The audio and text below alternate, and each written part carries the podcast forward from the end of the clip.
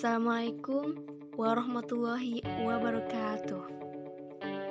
Hey everyone, how are you?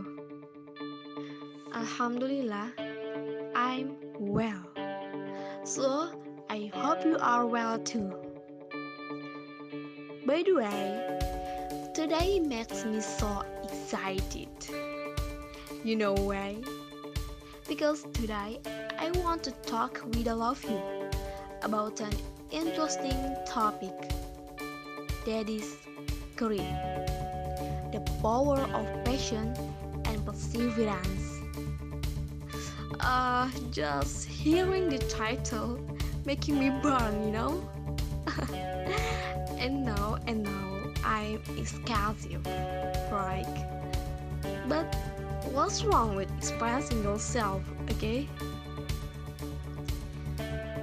Actually, this title is same as the title of the video that I watched on the TED site. Angela Duckworth. She is speakers in the video. She was a management consulting who left her career and become a teacher. And like teacher, she made quizzes and tests. But after she saw the test result, she thought that it turned out that IQ was not the only measure to differentiate the ability of children. Because she believed that every one of her students could learn the material if they work hard long enough. Really interesting, right?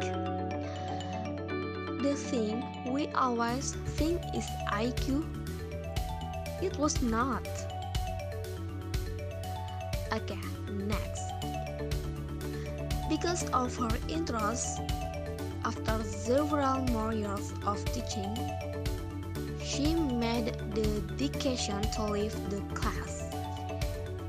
And she went to the graduate school to become a psychologist.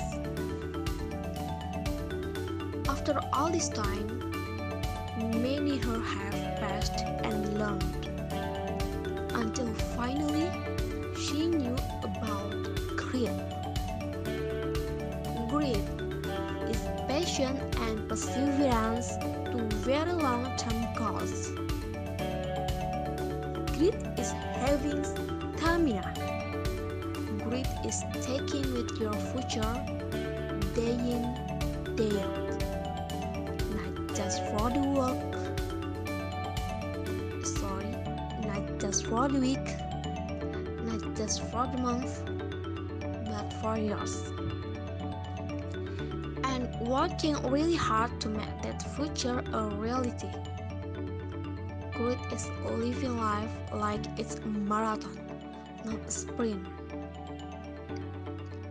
A few years ago, she started studying grit in the Chicago public schools.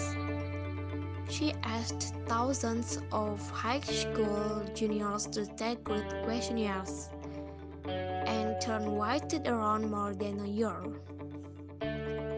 to see who would graduate. Turns, turns out that critical kids were significantly more likely to graduate. Even when she matched them on every characteristic they could measure. Things like family income, standardized achievement test scores, even how safe kids felt when they were at school. It's also in school, especially for kids at risk for dropping out.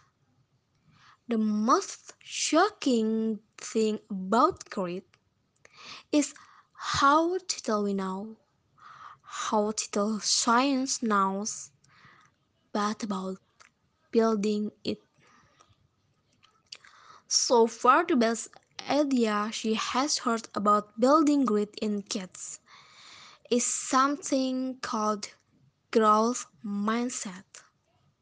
This is an idea developed in Stanford University by Carol Dweck, and it is the belief that the ability to learn is not fixed, that it can, change with your effort.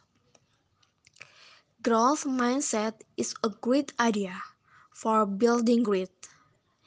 And Hurley said, We need more because that's where we are. That's the real work that stands before us. We need to take our best idea, our strongest intuitions, and we need to test them. We need to measure whether we've been successful and we have to be willing to fail, to be wrong, to start over again with a lesson learned. In other words, we need to be gritty about getting our kids grittier. Thanks. Wassalamualaikum warahmatullahi wabarakatuh.